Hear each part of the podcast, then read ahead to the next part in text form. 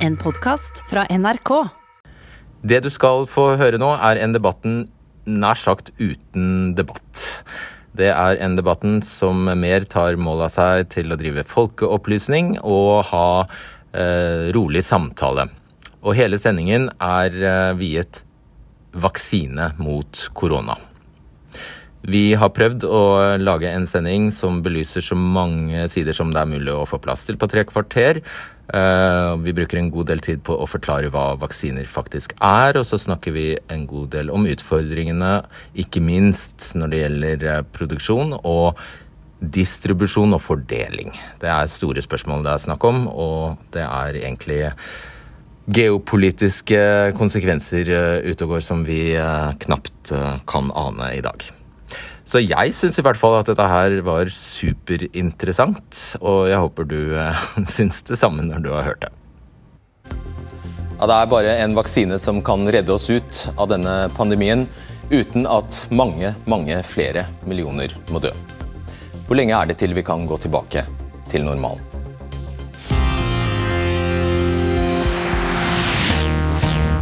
Etter at du har sett denne debattensendingen, vil du forhåpentligvis ha fått svar på det meste du lurer på om koronavaksinen.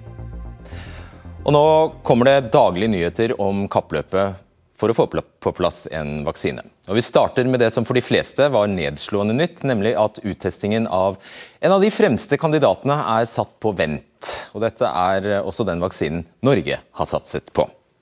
Jon Arne Røttingen, du er fremdeles eh, direktør i Norges forskningsråd. Der er du avtroppende, og så er du påtroppende ambassadør for global helse.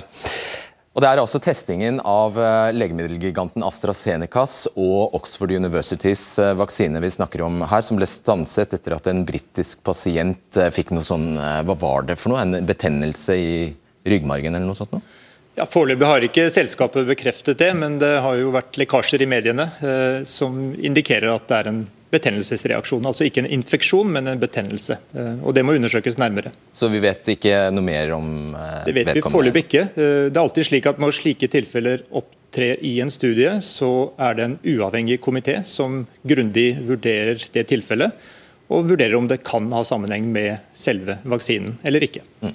Og Denne personen er altså en av nå mange tusen, fordi denne vaksinen har kommet til den siste fasen, der man rett og slett gir vaksinen til mange tusen personer. Eh, men han kan jo også ha vært en del av kontrollgruppa, hvis jeg har skjønt det rett, som har fått eh, en eh, vaksine mot meningokokker. Ja, og Det har vi iallfall ikke offentlig informasjon om. og Det er også da typisk fordi de som gjennomfører studien, de vet jo ikke hvilke vaksine som de frivillige har fått. Det er såkalt en blindet studie, eller dobbeltblindet studie. Og Det er kun denne eh, sikkerhetskomiteen eller uavhengige komiteen som kan åpne den nøkkelen for nettopp å se på om denne eh, pasienten har fått. Nei, Det er helt uavhengige fagpersoner som er oppnevnt av eh, selskapet eller den som er sponsor for studien. Eh, og som eh, tar på seg en veldig viktig og alvorlig oppgave i og for seg for å vurdere både hvor trygge eh, vaksinen er, altså å følge mulige bivirkninger gjennom hele studien, og også se på effekter og, og følge med løpende. Mm. Og Når jeg sier kontrollgruppe, så er det altså den gruppa som får en juksemedisin, eller av og til ingen medisin i det hele tatt. og så kan det jo hende at man får en såkalt placeboeffekt. Ja, og I denne sammenhengen så er det altså en annen vaksine, slik at de også har en fordel av å delta. De får en vaksine mot uh, hjernehinnebetennelse. Og ja, en bonus i tillegg. Ja. Ok, Hva innebærer det at uh, testingen er satt på vent? Hva betyr det i praksis? Nei, De har jo tatt uh, denne tiltaket nå. Uh, Det er satt på vent, det er, ikke, det er en pause. Uh, de har valgt å gjøre det for alle pågående studier på denne vaksinen. Og Det betyr at man da rett og slett ikke vaksinerer flere i disse studiene før man har fått full kartlegging av dette tilfellet. Og jeg skjønner, Den testingen den foregår parallelt i mange land. Ikke bare Storbritannia. Brasil er nevnt, og flere andre. Ja, og USA. Eh, og USA, ikke sant. Og Sør-Afrika jobber det også med. Nettopp. Viser ikke dette her at det er gambling? Nei, Dette er veldig eh, betryggende på mange måter. fordi Det viser jo hvor viktig det er å studere effekter og bivirkninger av vaksinene i kontrollerte forsøk. Jeg er veldig glad for at uh, selskapet valgte å være så åpen med dette tilfellet. Uh, og gå ut rett og slett med en melding når det skjer. Uh, for Det er rett og slett sånn vi må bygge kunnskap. sten på sten. dette er usikkert, selvfølgelig. Har disse vaksinene effekt, og er de tilstrekkelig trygge? De tidlige fasestudiene som er gjort på den samme vaksinen, sammenlignet også med meningokokk-vaksinen, og Da viste det seg at det var helt tilsvarende omfang av det vi kan oppfatte som bivirkninger eh, i de to gruppene, og som var ikke alvorlige bivirkninger. Men det er klart når man gjør en studie på mange flere mennesker, så kan det oppstå mer sjeldne bivirkninger. Og det kan være også slik at disse hendelsene ikke er bivirkninger, men rett og slett oppstår tilfeldig. Og Det er det som denne komiteen nå må prøve å gjøre en vurdering av. Eller han kunne vært syk fra før, eller? Ja, nettopp. Ikke sant? At sykdommen kom først. Mm. Um, når vi ser, ja, Hvem er disse menneskene som blir testpersoner? Hvem er de? Kan de melde seg, eller er de trukket ut? eller hvordan skjer det? Ja, de, de, melder seg frivillig, i og for seg. De rekrutteres fra ulike sentre. Uh, inviterer til uh, altså de befolkningen i området om de ønsker å være med i en sånn studie. og Normalt vil man jo prøve å ha et representativt utvalg av den befolkningen som skal vaksineres senere. så Det betyr unge voksne som deg og meg, vi, skal vi kalle det fortsatt. Mm, eh, eh, og kanskje også i noen av studiene eldre, som jo særlig viktig å vaksinere. Og som vi også vet at kanskje vaksinene ikke virker så godt på, og derfor ekstra viktig å undersøke det nøye. Det siste skal vi faktisk komme tilbake til, at, uh, at vaksiner har en tendens til å ikke virke like godt på eldre. Du, det kom en uh, nyhet tidligere i uka om at toppsjefene i ni amerikanske, eller nei, de var ikke nødvendigvis amerikanske, men ni internasjonale legemiddelselskaper hadde kommet med et opprop. De hadde inngått en pakt, ble det sagt på engelsk i hvert fall. Hva var det som skjedde? Nei, De ønsket å forsikre eh, befolkningen om at eh, her kutter vi ingen hjørne. Vi vil gjennomføre vaksineutprøving etter beste standarder. Eh, og de vil gå ut samlet om det.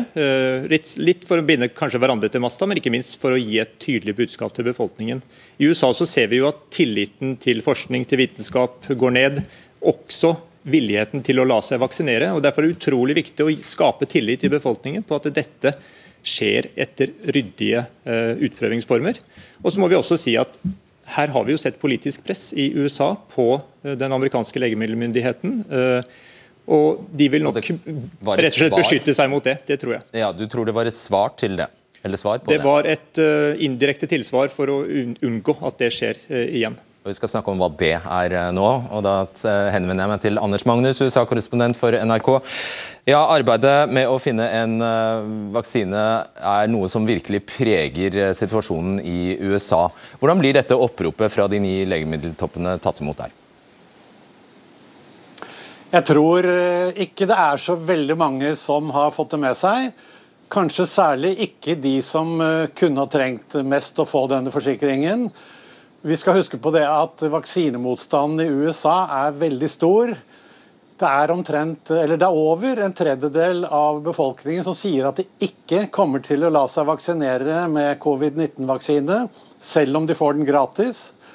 Og Flertallet av disse har lav utdanning, de har lav inntekt, og et stort flertall er republikanere. Så dette er også et, uh, politisk, uh, en politisk splittelse i vaksinespørsmålet. Ja, kan Vil du prøve å beskrive det, hvordan eh, dette vaksinespørsmålet nå faktisk spiller rett inn i valgkampen? Det har vært eh, store diskusjoner mellom de to presidentkandidatene om dette ganske nylig. Eh, Biden har jo advart mot presidentens forsøk på å presse fram en vaksine, og det samme har hans visepresidentkandidat Camelot Harris gjort. Noe som har fått eh, presidenten til å reagere skarpt tilbake og si at eh, han vil forlange en unnskyldning fra begge to, og sier at eh, Joe Biden er dum. Så eh, her er det ikke lett å vite hvem man skal stole på, avhengig av hvilket ståsted man har, kanskje. Men eh, det er veldig skarpe fronter også i vaksinediskusjonen i USA. Vil du bare eh, gjenta for oss, hva, hva er det Trump har sagt egentlig som avstedkom dette oppropet? Han har sagt at eh, det kan komme en vaksine i USA så snart som i eh, oktober. Og han har også fått eh, helsemyndighetene her til å forberede alle delstatene på å kunne dele ut en vaksine allerede fra 1.11., dvs. Si rett før eh, presidentvalget. Og det er mange som frykter at han prøver å presse fram dette. Han har jo en egen organisasjon som heter Operation Warp Speed og Hvis du husker eh, hva warp speed betyr, det kommer jo fra eh, disse filmene Star Trek. og Det betyr en hastighet som er raskere enn lyshastigheten. Så Trump ønsker en svært rask framgang i vaksinespørsmålet, men selv hans egen vaksinerådgiver sier at trolig så kommer det ikke noe vaksine før tidligst til nyttår. Og Det sier også landets ledende smittevernekspert, dr. Fauci. Men allikevel så er, eh, prøver eh, da Trump å så en optimisme i befolkningen om at dette skal komme svært raskt. Og Vi vet jo også at han tidligere har presset eh, Mat- og medisintilsynet til å godkjenne denne medisinen hydroksyklorokin som en, eh, som en behandling av eh, koronaviruset. Dette måtte Mat- og medisintilsynet i juni trekke tilbake, for det viste seg at det hadde ingen virkning på korona, men tvert imot så kunne det ha sterke negative bivirkninger. Så dette er veldig politisert. og det er vanskelig for vanlige folk å finne ut hva de skal eh, tro på og hva de skal mene om dette. Svar litt kort på dette, her, eh, Anders Magnus. Eh, hvis Trump skulle klare å, eh, å forsere alle disse hindrene på vei til, veien til en, en vaksine La oss si at til og med hans politiske press førte til at det ble fortgang i sakene, og man fikk på plass en virksom vaksine, en forsvarlig virksom vaksine. Da har han jo antagelig vunnet. Men hva skjer hvis han ikke greier det? Hva skjer hvis den vaksinen feiler? Hvor, høy, hvor stor er fallhøyden her for Trump? Fallhøyden er jo svært stor, men eh, hvis han får til en vaksine før valget, så vil jo eh, den sannsynligvis begynne å bli indisert rett i, altså i dagene rett før valget. Så hvis, eh, han, hvis, den vaksinen feiler og folk får store bivirkninger, noen kan dø, så vil jo dette skje etter valget. Og Derfor så regner vel Trump kanskje med at fallhøyden for ham i presidentvalget ikke blir altfor stor. Takk. Anders Magnus. For noen dager siden kom eh, lederen i Verdens helseorganisasjon med en innstendig appell. Han sa at når de første vaksinene kommer, ja da må man vaksinere noen personer i alle land, snarere enn alle personer i noen land. Og Han nevnte helsepersonell, eldre og syke. Og så sa han dette. Using vaccines as a global public good is in the national interest of each and every country. Vaccine nationalism will prolong the pandemic, not shorten it. Ja, Røttingen, hvis verden gjør som dr. Tedros uh, sier her, altså at sykepleiere og nøkkelpersonell i over 200 land først skal få uh, vaksinen før vanlige folk får det, er det realistisk? Kommer det til å skje? Slik det ser ut nå, så kommer det ikke til å skje. Men det som er viktig, er å prøve å nå det målet om en rettferdig tilgang. og Dermed må vi øke produksjonskapasiteten så raskt som mulig, slik at vi kan først og fremst redusere sykdomsbyrden knyttet til infeksjonen i alle land. og Det betyr å vaksinere de som har størst risiko for å bli smittet, altså som helsearbeidere, og de som har størst risiko for å få sykdom. Men Han sier jo at hvis det ikke skjer, da vil pandemien vare lenger den vil vare lenger hvis ikke vi greier å fordele vaksiner på en fornuftig måte. Og Derfor så eh, er det viktig at vi er ikke gjennom denne pandemien før alle land har fått kontroll. Og Det betyr at vi er best interesse alle å fordele den fornuftig. Ta deg en liten pause. Du kommer tilbake. Takk skal du ha i foreløpig. Vaksiner har sørget for å utrydde ja, den grusomme sykdommen kopper, og meslinger er vi nesten eh, kvitt. Bare tenk på hvilke framskritt det er at vi har vaksine mot polio, meslinger, kusma, røde hunder, vannkopper og også vanlig influensa. Anne Spurkeland, du er eh, professor og forsker i immunologi ved Universitetet i Oslo. Hva er en vaksine? En vaksine kan man tenke på som en slags uh, liten jukseinfeksjon som man får for å forberede immunforsvaret på den ordentlige infeksjonen. Og Når den eventuelt kommer, så er man allerede forberedt og beskyttet mot den. Og Hensikten med en vaksine, er den så åpenbar som den eh, ser ut til? Ja, jeg vil si at Hensikten med en vaksine er å beskytte hver enkelt person fra den infeksjonen. Uh, og Når alle blir vaksinert i samfunnet, så vil det jo beskytte uh, samfunn, de samfunnet som ikke kan vaksineres. Er det da på samfunnsnivå alltid et eh, mål med en vaksine at eh, man skaper flokkimmunitet? Eh, jeg vil si at Vi har mange vaksiner hvor det er først og fremst et individuelt fokus som er, er viktig. Den Hepatitt B-vaksinen det er ikke en sykdom som er spesielt utbredt, men for hver enkelt person som vaksineres, er det viktig å være beskyttet. Nettopp. Ok, Så har jeg skjønt at det finnes hovedsakelig tre typer vaksiner. Vil du prøve å forklare det? Ja, så eh, For å lage denne jukseinfeksjonen så kan man velge å bruke et svekket virus. Jeg har laget en liten plansje her i formiddag. Ja, dette er din tegning? Det er min tegning. Ja. Så, eh, og det, det er bare svart-hvitt, men eh, det skal forestille koronavirus. Så man kan da ta koronaviruset og svekke det, slik at det er viruspartikkelen, men det kan ikke gi sykdom. Det er en måte å gjøre det på. Ja, Før du går videre nå, så skal jeg bare si at de, de hvite, det, du, det, som her er hvite prikker i din tegning, det er, tilsvarer, det er de samme som de røde prikkene her. Ja, og det er, Siden det er koronavirus, så er det altså piggeproteinet på koronavirus. da fortsetter vi. Og Du sa altså at den eldste formen for, eh, for, vaksiner, den mest tradisjonelle, da tar man rett og, slett, uh, rett og slett viruset, og så lager man en svak versjon som ja. vi ikke blir syke av. Og så får du det injisert. ja, og det er f.eks. meslingvaksinen er en sånn svekket uh, virus. Okay. Ja. Eh, men så er det en mer moderne måte å gjøre det på, er at man tar et virus som ikke er farlig, forkjølelsesvirus, eh, og så putter man inn i det viruset eh, den biten man vil lage vaksine mot, i dette tilfellet piggeproteinet. Så da lager man hybridvirus.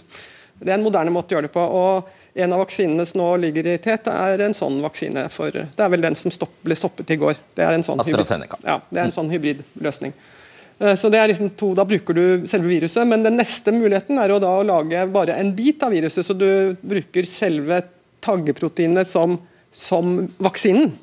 Piggeproteinet som vaksinen, på en eller annen måte en subenhet av viruset. Og jeg har skjønt at det er langt flest av eh, de eh, forsøkene eller de kandidatene som finnes nå, som befinner seg i kategori nummer to her. Ja, ja den subenhet midterste.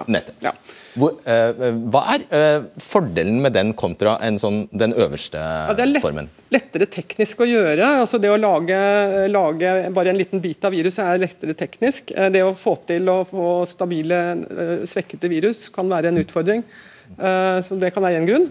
Og det er, ja, så det er lettere å få til fort. Ok, Og den siste? Den siste er enda lettere å få til fort. for Der tar man ikke engang og lager eh, proteiner, man lar kroppen gjøre det. Så man gir bare beskjed til kroppen om hva som skal lages, og så lar man kroppen selv lage proteinet. og immunreaksjonen mot det. Så der kan man lage ve mye veldig raskt, men det er ikke Det er jo ikke prøvd i stor skala. Nei. Nei ikke på mennesker ennå i stor skala. Så det ville være et virkelig gjennombrudd hvis man greide det? Hvis man, kan gjøre, hvis man kan vise nå i denne pandemien at det virker, så har man uh, en løsning for nye pandemier. Som, uh, du, mange lurer på, Hva inneholder en vaksine? Bestanddelene? Ja, en Vaksine inneholder jo det som skal liksom da mimikere denne jukseinfeksjonen. så Det må være en bit av viruset som er det aktuelle viruset. Og så må man også ha noe i den vaksinen som gjør at immunforsvaret reagerer godt nok. slik at det ligner på en infeksjon. For Når man får en infeksjon, så er det hele immunforsvaret som blir aktivert. Mens det vi er ute etter her, er en tilpasset immunforsvar skal lage antistoffer.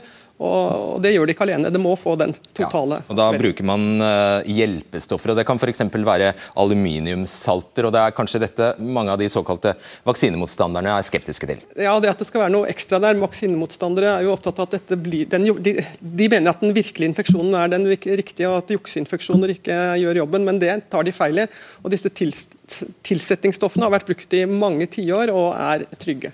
Trygge. Greit. Er det en forutsetning? Alt det vi snakker om nå, alle vaksiner må testes på dyr, og gjerne mus? Ja, det vil jeg si at uh, Veldig mye av den kunnskapen vi har om immunforsvaret, kommer fra mus, og en ny vaksine må også gjennom en test i mus.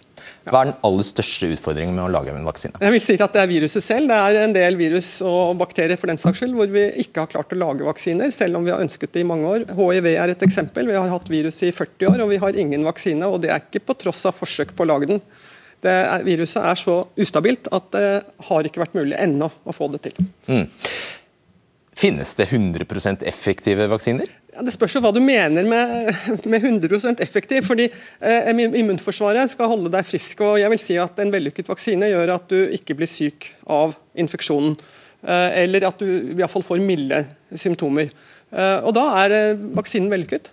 Eh, men det kan jo være at man har en vaksine som er så god at man ikke engang blir infisert. så det er liksom grader Men det kan også hende at du får en vaksine som bare fungerer på 60% eller Det kan være, men eller? det har du rett i. Men, men jeg vil si at eh, det vil uansett være en fordel at ikke fullt så mange blir syke. Og, eller, eller hvis du blir syk, at du ikke blir så syk. Eller som bare varer i fem år, da, for eksempel. Ja, Det er et annet poeng at uh, Immunforsvaret har hukommelse, også for vaksiner, men den hukommelsen varer ikke uendelig, og noen ganger er den kortere enn andre ganger. Og vi vet ikke ordentlig hva som avgjør det ene eller det andre. Åh.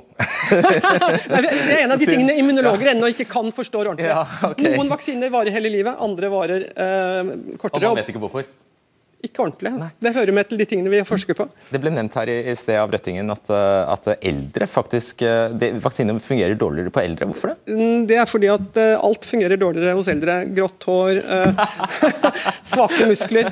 Og immunforsvaret endrer seg og fungerer ikke så godt, slik at immunreaksjonene blir annerledes enn de var når man var unge. Jeg var Men glad det var de- du som sa det, og ikke meg. Men det er. Helt på tampen her.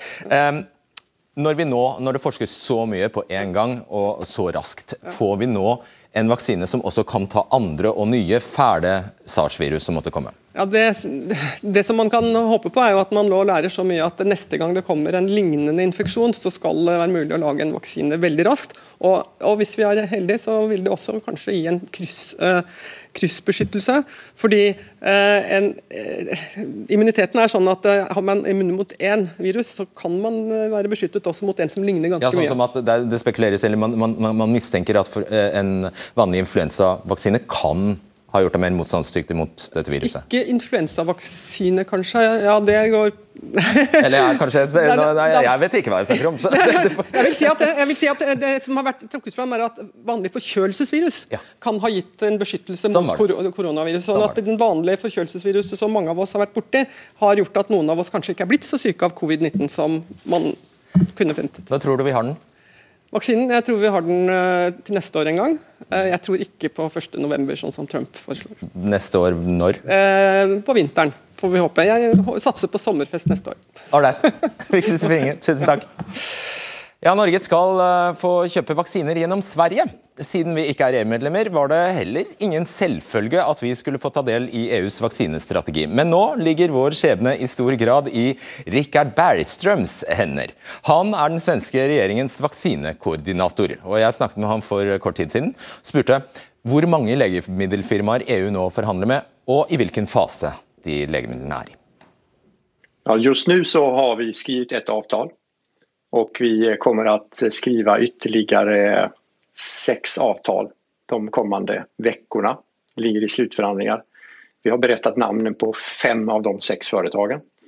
Eh, Och det är olika teknologier, det är olika plattformar. Det är väldigt viktigt här att inte satsa bara på ett kort utan man har olika typer av plattformar. Vissa är nya, vissa är mer beprövade.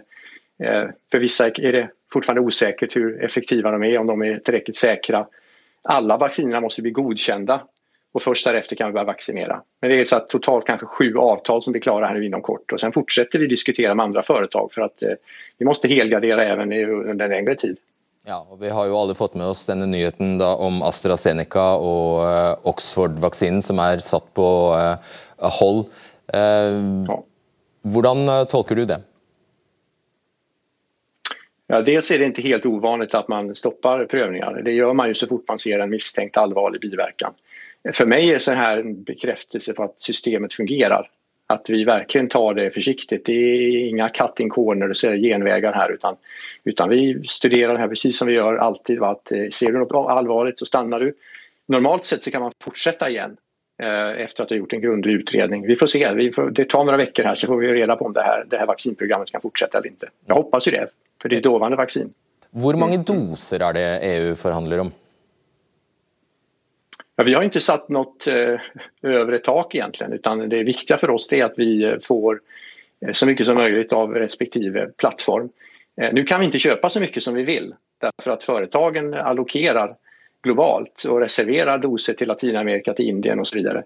Så med de här avtalen vi skriver nu så kanske det i snitt handlar om 2-3 100 miljoner doser i snitt eh, för EU och eh, vissa av de här vaccinerna är en dos vaccin och vissa behövs det två doser. Så att som det ser ut nu så har vi tillgång till mer än en och en halv miljard doser under 2021.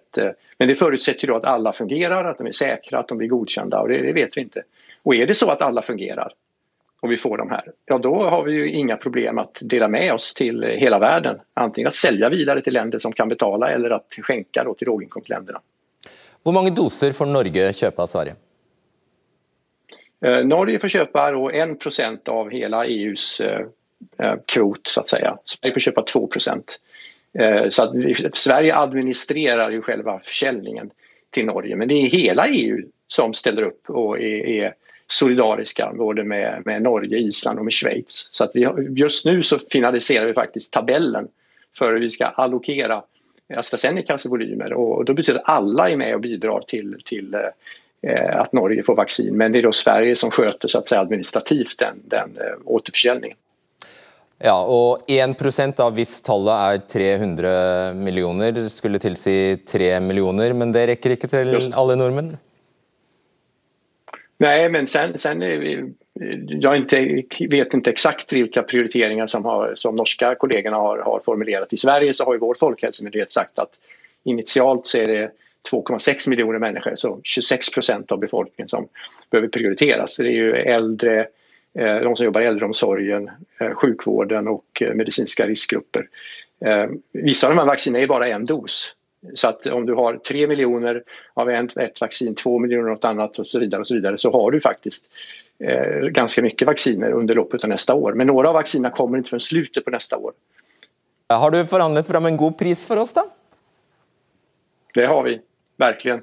Det är intressant att några av företagen har som strategi att inte göra någon vinst utan de eh, kör med öppna böcker, öppen bokföring och eh, tar betalt för tillverkningskostnaden i princip. Det är några företag och då ligger priset alltså under 100 kronor för, per patient. Det är intressant. Under 100 norska kronor per patient. Om det nu är en eller två doser spelar ingen roll. Och sen är det några andra vacciner där som har utvecklats av mer kommersiella företag. Företag som är, har lånat pengar på börsen och så vidare, riskkapitalpengar. De eh, måste ju få lite mer betalt. Det är deras affärsmodell. Men där har vi lyckats förhandla ner priserna ordentligt. Så att jag har sagt att jag tror att genomsnittspriset per medborgare eller per person som vaccineras kommer att vara någonstans mellan 100 kanske 150 norska kronor eh, för, för att vaccinera och det är faktiskt ingenting om man jämför med vad vi betalar för tester och kostnaden för samhället i övrigt. Ikke sant. Når vil en vaksine være klar, Bergstrøm? Ja, om de her første vaksinene som då för sig då kommer från de nyare teknologierna, om de fungerar och blir godkända så räknar vi med att kunna börja vaccinera början på nästa år. Kanske redan från januari, men i alla fall under, under första kvartalet. Och det är flera vacciner som kommer då samtidigt, så det är inte bara AstraZenecas vaccin om, om de kommer igång igen. Ja, Da vet vi altså at uh, Norge i hvert fall er sikret tre millioner doser uh, vaksiner. Jeg ønsker vel møtt til Bent Høie, Dag Inge Ulstein, uh, Per Aabekken, et nytt bekjentskap, og tilbake til deg, Jon Arne Røttingen. Helseminister, her var det mye å ta tak i, men først blir den gratis, eller må man betale disse 100-150 kronene selv?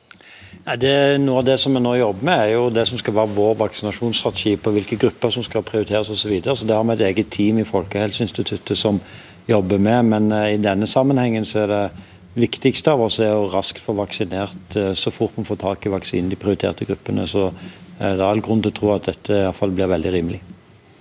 Rimelig. Ja. Ok, Greit, det skal vi huske. Det skal vi huske. Men hvem skal få? Hvem skal få først?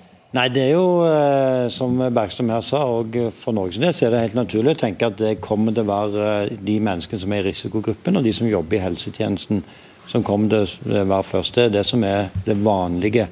Eh, og så vil jo Dette òg litt avhengig av hvilke type vaksiner vi får, og i hvilken rekkefølge vi får de ulike typene. Så dette er et stort arbeid som nå vi kommer til å få de beste anbefalingene fra Folkehelseinstituttet på. Og dette var eneste plan, å bero på denne mannen? Eller ja, altså, har du flere sånn planer? Eh, de, de vi kan, den, det vi kan takke for at Norge er en del av dette, det er jo EØS-avtalen.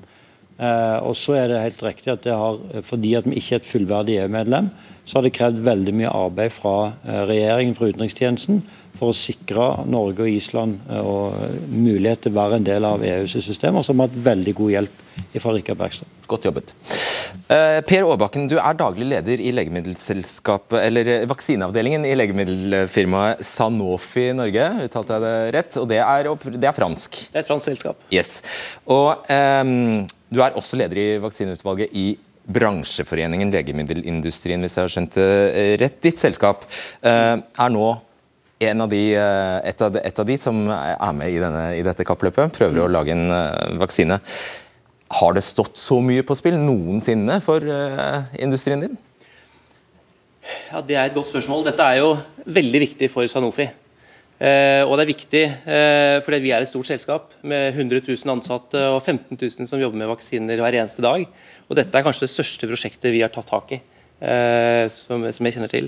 Og, og, For oss er dette viktig fordi hele verden venter på denne vaksinen for at man skal kunne komme seg videre, for at man skal kunne ta hverdagen tilbake. Så ja, dette er et stort og viktig prosjekt for oss, som det er for veldig mange andre. Dette er jo et... Også med høy risiko, da, eller? Det er høy risiko. Eh, vi har jo flere kandidater, og det er klart at eh, det er jo en risiko at, eh, at man ikke lykkes. Mm. Det er det. Men bare for å si det med et kappløp, det er jo et spennende kappløp, for det er et kappløp hvor vi ønsker oss flere vinnere. Vi heier på hverandre, som er litt uvant. Hva vil du si de aller største utfordringene er her? Jeg vil si at produksjon og kapasitet, produksjonskapasitet er en stor utfordring. Eh, men, ja, etter at man har funnet ut at man har en fungerende vaksine? Ja, etter det. ja, så Det er det jeg kan snakke om mest om. Eh, men også, men også det med distribusjon tenker jeg blir en stor utfordring. Å distribuere så mange doser på så kort tid globalt. Ja. Og Så kommer utfordringer lokalt. Hvordan skal man få satt så mange doser lokalt? selvsagt. Og det, bare Tilbake til det med produksjon. Finnes fabrikkene? Ja, Dette eh, er jo en utfordring. Eh, vi ser jo en liten nedgang på reisevaksinasjonssalget nå. Så man kan jo tenke seg at kanskje man kan bruke andre produksjonslinjer eh, til produksjon av denne vaksinen. Jeg vet at vi har et samarbeidsprosjekt med Glaxo Smithline, hvor man tenker seg at man skal kunne klare å produsere 1 milliard doser årlig av vaksinen. Så at noen har tenkt på produksjonskapasiteten og at den vil bli løst, det er jeg sikker på. Men hvordan, det vet jeg ikke. Eh, det går forlydender om at LO og NHO mener at vi faktisk kunne ha produsert det her. Vet du noe om det? Det er vel en alt, eh, virusfabrikk på Kjeller, men i hvilken grad den kan eh, gjøre en slik produksjon, det vet jeg ikke. Nei, Vet du? Nei, Det er helt riktig at vi òg ser på mulighetene for vaksineproduksjon i Norge, men det er jo veldig komplisert. og Jeg tror ikke at vi kan se for oss at det kan være en veldig snarlig løsning for de utfordringene. Det er ikke som å snu seg om og begynne å lage munnbind, si? Det er ikke det. Nei. Det er jo en del år siden at uh, en tidligere regjering avvikla den type produksjon i Norge. Oh, ja, ja, nok om det.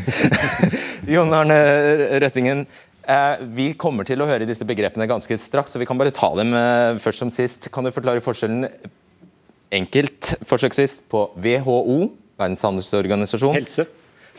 Takk. Covax CEPI og Gavi. Mm.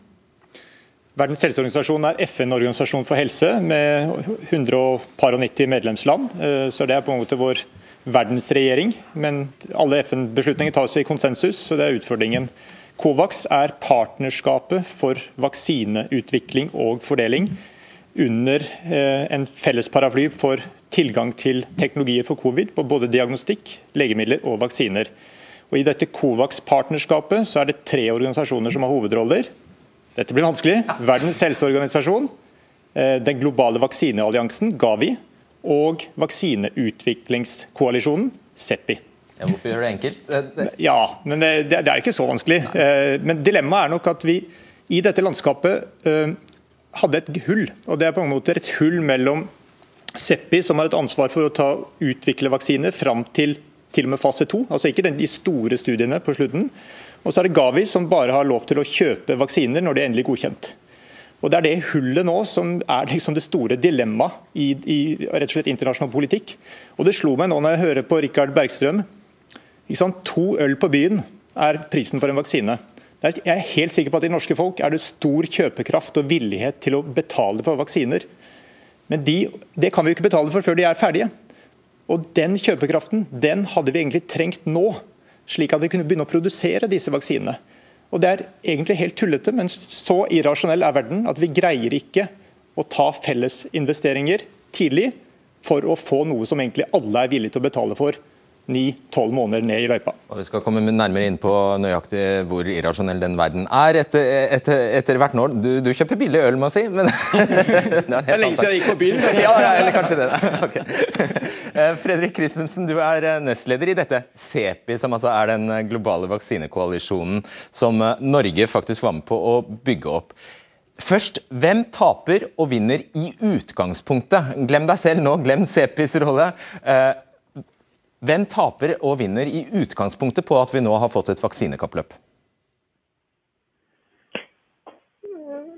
Jeg vil si at Det at det er et kappløp, eh, er noe vi egentlig alle vinner på. Eh, så, fordi her er det et kappløp mot viruset framfor et kappløp eh, både mot, eller mellom forskjellige utviklere. Men det som kan være et, en utfordring, er jo kappløp, eh, hvis det blir et kappløp mellom land eller eh, innkjøpskoalisjoner på vegne av land. Så det er nok om å gjøre å få til en størst mulig samarbeid om uh, når vi først kommer så langt at vi har noen vaksiner som fungerer. Og Det er jo dessverre det, som, det vi ser utspille seg akkurat nå. da, At de tre gigantene USA, Kina og Russland Eh, har alenegang eh, for, for seg. Eh, CEPI støtter utvikling av vaksiner og sikrer rettferdig fordeling av disse, nettopp for å tøyle rike og store land, sånn at fattige land også skal få vaksiner. Og Dere sier at deres mål er to milliarder vaksinedoser, men det er til åtte milliarder mennesker innen 2021. Hvordan skal det skje i praksis? I praksis er det tre viktige ting her. Det ene er at man må satse på mange hester. Man vet ikke hvem som blir vinneren. Så det å ha en, en portefølje, som det heter, altså en gruppe med vaksinekandidater, det er innmari viktig. Eh, det andre er dette med produksjonskapasitet. og Vi har eh, investert i oppskalering av produksjonskapasitet allerede nå, før vi vet om noen av disse vaksinekandidatene vil være vellykket eller ikke. og Det er nettopp for at man skal kunne spare tid og komme raskt i gang med produksjonen. Og Det tredje er dette innkjøp, eller denne nye mekanismen som heter Covax, som eh, Jon Arne Røttingen forklarte. og Det er jo historisk at man nå setter sammen en ordning hvor man kan både eh, fordele risikoen eh, på liksom, hvilken av disse hestene som kommer til å vinne, og også få til en rettferdig fordeling av vaksinene når de først er ferdige. Slik at man kan vaksinere eh, både høyrisikogrupper og ikke minst helsearbeidere, sånn som eh, dr. Tedros fra Verdens helseorganisasjon var inne på. Ikke sant. Dag Inge Ulstein, utviklingsminister, velkommen. Uh, ja, Du er satt til å lede et råd sammen med Sør-Afrika for å sikre altså Her føles det som at dere har litt eh, overlappende arbeidsoppgaver, men det, også du skal sikre rettferdig tilgang til eh, vaksine og testutstyr eh, globalt. Hva er det du skal drive med? Du, Vi hadde det første møtet i dag, og det var må jeg si, veldig oppløftende. For Der hadde du nettopp alle land, de store forskningsmiljøene, ulike fra, fra selskaper som utvikler det her, sivilsamfunnsorganisasjoner, samla rundt det samme bordet. Og Vi har jo ikke noe valg. Vi er nødt til å lykkes. Eh, og Hvis ikke vi sørger for rettferdig fordeling, så handler nettopp om at kritisk sårbare grupper og kritisk helsepersonell, de som er hjelpearbeidere i frontlinjene i flyktningleirer og andre kriser, faktisk får den først. Ja, Så hvordan skal du få til det? Nei, nå er det jo sagt her at det er et x antall eh, vaksinedoser som må, må, eh, må produseres. Det er enorme summer. Men hvis vi vet de enorme lidelsene, eh, alle som er utenfor skolegang, og den enorme nedgangen i økonomien verden ser nå, så hørte vi i dag fra en ekspertene til WHO at det tar, altså hvis vi lykkes, så tar det faktisk bare 36 timer å hente inn igjen det som er kostnaden for å faktisk lykkes med det. Så jeg tror vi, vi er nødt til å gjøre det, litt som du snakka om. Da, ja, men, ja, men, Alle er enige om at vi er nødt til å gjøre det. egentlig. Det tipper ingen ville sagt det motsatte. Så Spørsmålet er hvordan? Når man ikke har greid det noensinne inntil nå? Først så må jo det være både finansiering på plass. Der har Norge gått foran. og Vi ser at det er flere, både store nasjoner og, og EU som er inne og finansierer mye. Så må en få på plass denne fordelingsmekanismen. At den faktisk sikrer at de første dosene i den Covax-ordninga går nettopp til de tre gruppene som vi snakker om. For det er slik at vi... Ja, I alle land, som WHO land. sier. Ja.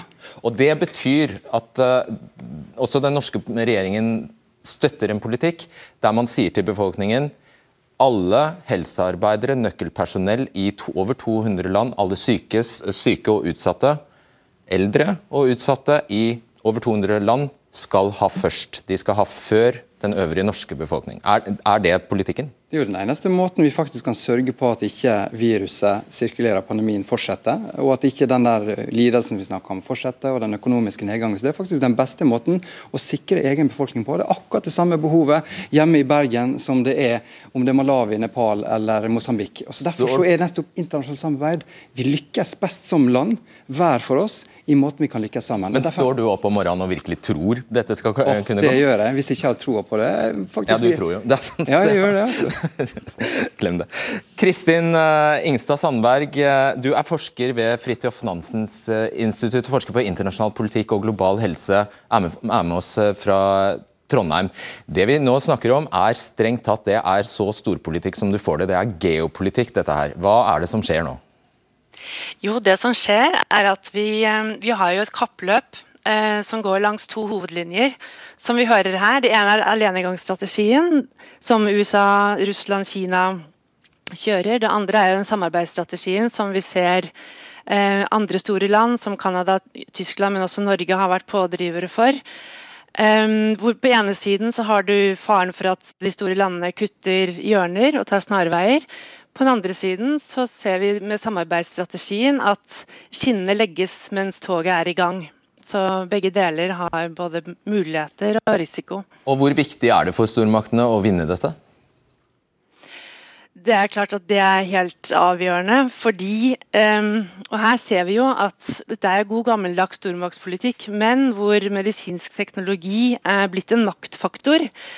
Um, så det som skjer er at Fallhøyden er jo enorm, fordi hvis en av la oss si USAs eller Kinas vaksiner viser seg å ikke virke, så det spiller ingen rolle om det er før eller etter valget.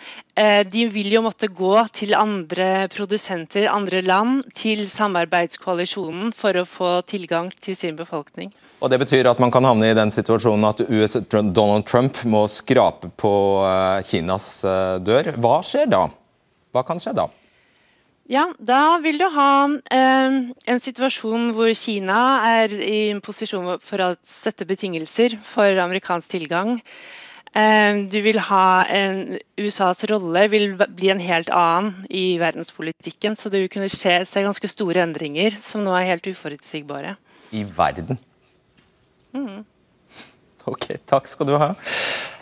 Altså, Hvor eh, uutholdelig ironisk ville det ikke være om Kina var først ute her og klarte å lage den vaksinen verden ble avhengig av? Altså, Vi har jo ingen ønske om at noen ikke skal lykkes med dette arbeidet. Tvert imot. Det er jo fantastisk hvis Kina lykkes, hvis Russland lykkes og hvis andre lykkes. Så det er jo sånn at uh, her er Og det er bare topp, det? Ja, altså, Poenget er at verden trenger så mye vaksine som mulig. og Det betyr at vi trenger å heie på hverandre og vi trenger å alle lykkes. Norge vil sikre vår befolkning tilgang på vaksine gjennom det EU-samarbeidet som vi har. Men det er, jeg syns ikke at det er, riktig å sette det opp som en konflikt mot eh, det arbeidet som Covax gjør. Tvert imot. Både EU, Norge og de fleste landene i Europa er jo Covax sine største støttespillere. Og det at vi alle mobiliserer ressurser, det er jo nettopp det som løser det problemet som Men du skal ikke få snakke deg helt vekk fra den ja, det, fordi, ja, eh, fordi, det, handler veldig mye om hvordan skal vi skalere opp produksjon og ikke minst finansiere utviklingen av vaksinen. Vent. Hvis det er et visst, bare Til å begynne med så vil det bare være et begrenset antall vaksiner tilgjengelig.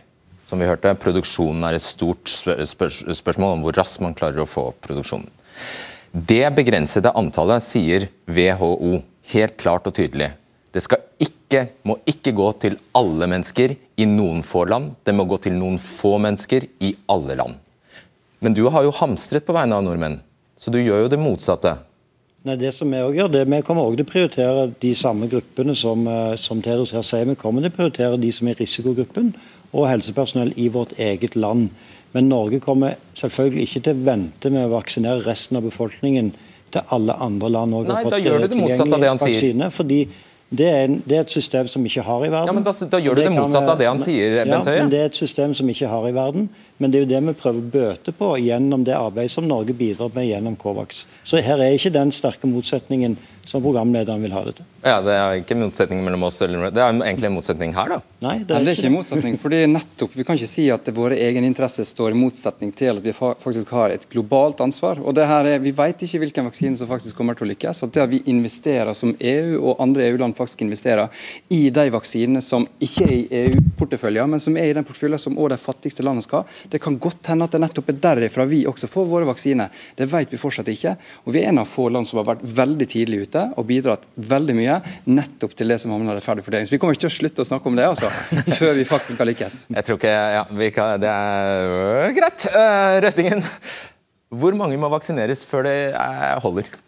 Ja, det er et veldig vanskelig spørsmål, egentlig. fordi øh, Den enkle tilgangen til det er at man ser på dette reproduksjonstallet. og så ser man at 1 minus 1 over det reproduksjonstallet. og det betyr at Hvis det var to, så betyr det 1 minus 1 over 2 er 50% Men så enkelt er det ikke, fordi smitte i befolkningen er mye mer spredt og varierende.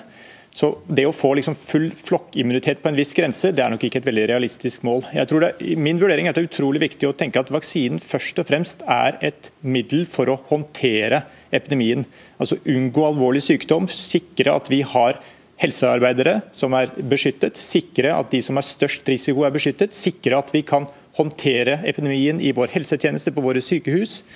Gjennom det så vil nok en del av oss da som er friske og som tåler eh, infeksjon, kunne bli smittet. Og Summen av vaksine og naturlig infeksjon er det som gjør at vi kommer ut av pandemien. Og Slik vil det være i mange land. og Derfor er det veldig viktig det begge statsråder egentlig her sier. Vi må sørge for at alle land har tilgang til vaksine, og kan nettopp bruke denne strategien at vi først og fremst skal sørge for at vi reduserer de alvorlige tilfellene av sykdom, slik at landene kan komme gjennom pandemien. Så det, aldri, det kommer aldri til å bli snakk om at 100 eh, av den norske befolkningen blir vaksinert?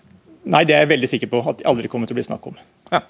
Um, hva gjør dere? Hva, hvordan, ser, hvordan, ser, arbeidsplanen ut for uh, selskap som dere nå?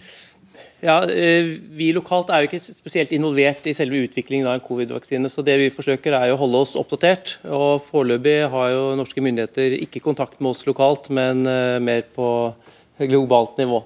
Så, så Det som er viktig nå, er at vi, vi jobber og utvikler de vaksinene vi nå har i utvikling. Og håper jo at de, tre, noen av de tre i hvert fall, eh, vil bli tilgjengelig for, for oss etter hvert. Okay. Jeg, har, jeg, får beskjed om at vi skal avslutte, men jeg har, jeg har bare lyst til å ta en, altså, eh, en, Når tror du den kan være på plass?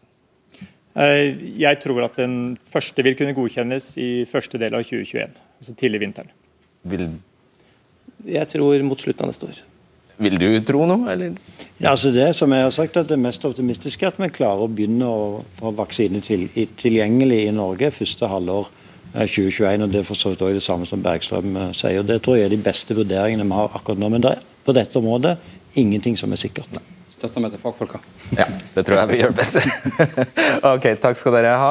Og husk at debatten som podkast er perfekt følgesvenn i bilen, på bussen, på sykkelen eller når du er ute og går. På gjensyn torsdag. Tirsdag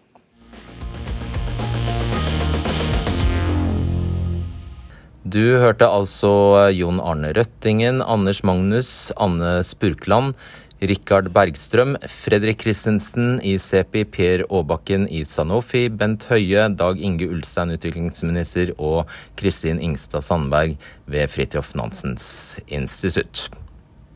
Det kan hende at vi eh, tar et tema der det er litt mer eh, diskusjon og debatt på tirsdag. Hvem eh, vet? I mellomtiden, ha en god helg. Hei.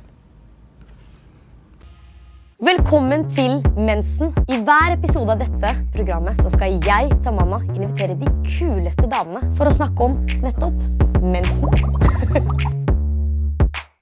Det var altså så etterlengta når den mensen kom. Vi hadde også dratt det lyvetrikset ja, ja. lenge. Ja, Hvorfor tror du at du gjorde det? Jeg vet ikke, Være kul. og så løy jeg en stund, merket jeg at dette tar tid. Fordi jeg hadde jo sagt til alle at jeg hadde mensen. Og så begynte jeg å be til Gud om at han måtte gi meg mensen. Komiker Dagfinn Lyngbø vurderer mulighetene for å stikke en tur til Mars, men først kommer han hit sammen med suksessforfatter Sisan Shakar, popsensasjonen Emilie Nicolas og danseløve Birgit Skarstein. Lindmo, fredag på NRK1. Du har kanskje opplevd å få en telefon fra noen som påstår at din PC er infisert med virus. Kriminelle callsentre opererer døgnet rundt for å lure deg og meg, og i en BBC-dokumentar som akkurat har startet på NRK2, ser vi hvordan disse svindlerne jobber. Her på NRK1 blir det krim og palmesus.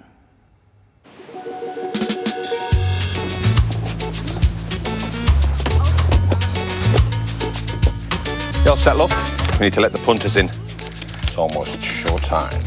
Is that what this is, Les? A show? Quite the opposite, actually. You know what they say?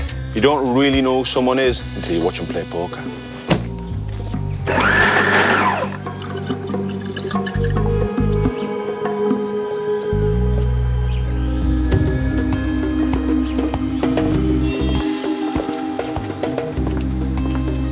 If I didn't know you better, I'd say that you were nervous. Poker isn't meant to be a spectator sport. Never signed up to be a gladiator. You gotta shut him out. Dear God, man, what is that sludge? I preferred it when you'd down a whole bottle of whiskey. Of course you did, because then you stood a chance of winning. Spare me the braggadocio. Cutting it fine, aren't we, Ray? Look at you. You're like a walking billboard. Have you no shame? Silly money for wearing a hat. Be a mug if you don't. You all ready, ladies and gents? Your table awaits. Our current top seed, Bobby Rodriguez! Uh, he's back in the final once again. Can he take the title for a third time? Now, our next player needs no introduction. I'm sure you've all read his bestseller, The Hand You Dealt. It's Eugene, the Prof, Sutton! There he is. Now, it's her first time in the final. The lovely Melanie DeVoe! And last but not least, our youngest player and current number two seed, it's Ray Ray Ray Ray Ray Ray Campbell!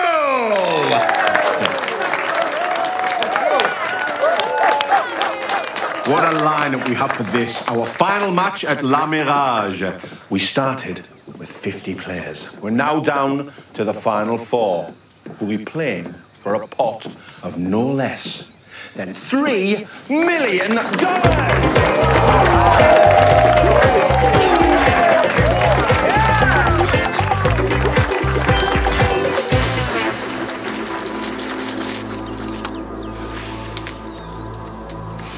Come on, Gene. It's time to bet. He's got nothing. You're squinting. And that ain't because it's sunny. Bit of a giveaway.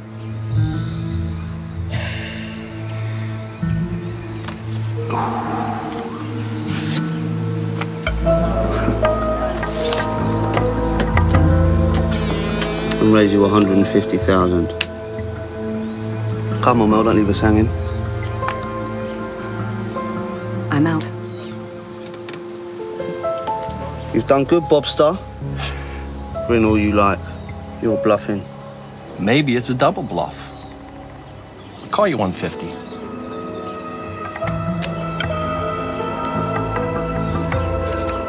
Can't me, kid.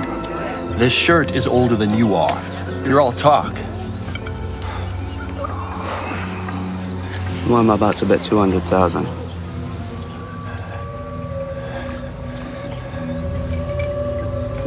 I'll call your 200. Bobby! Bobby! Bobby! Bobby!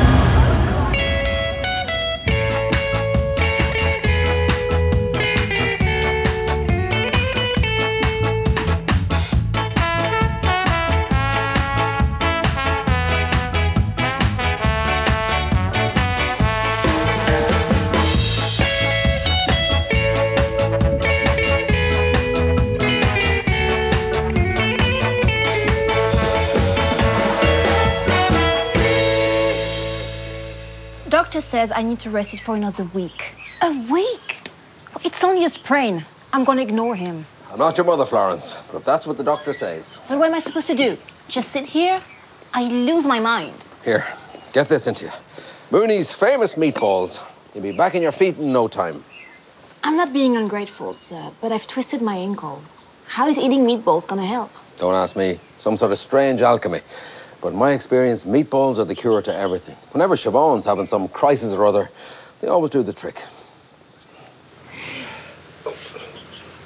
Thank you You miss her? Siobhan? No, not really.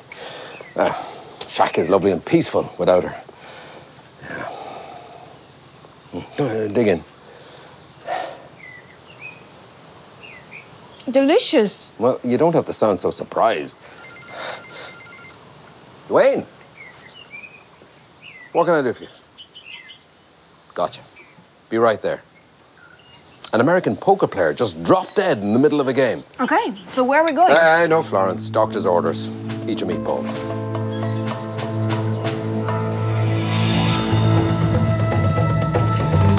So, the victim is Bobby Rodriguez, a 51-year-old American, a professional poker player. Never really got poker. More of a gin rummy man myself. How about you, Dwayne? Oh, you know, I, I dabble. And this tournament, it's a big deal. You better believe it. It's a knockout, and the winner goes home with $3 million. Three million for a game of cards. I'm in the wrong job. me too. So, what have we got so far, JP? The paramedic suspect poisoning. The victim suddenly convulsed and started foaming at the mouth, just before he fell down dead. Poor fella. And he was sitting there.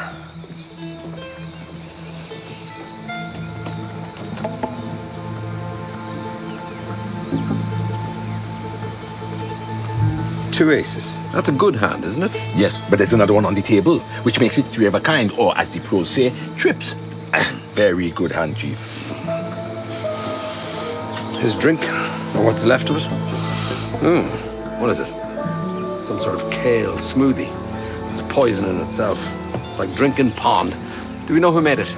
Well, according to the tournament director, Les Doyle, Bobby Rodriguez made it himself just before the game. We better check it for toxins anyway. His cigar. Check this too. If he did ingest the poison, these are the two obvious candidates. Poor old Bobby Rodriguez. One minute he's holding aces, the next he's cashing in his chips. Look at this.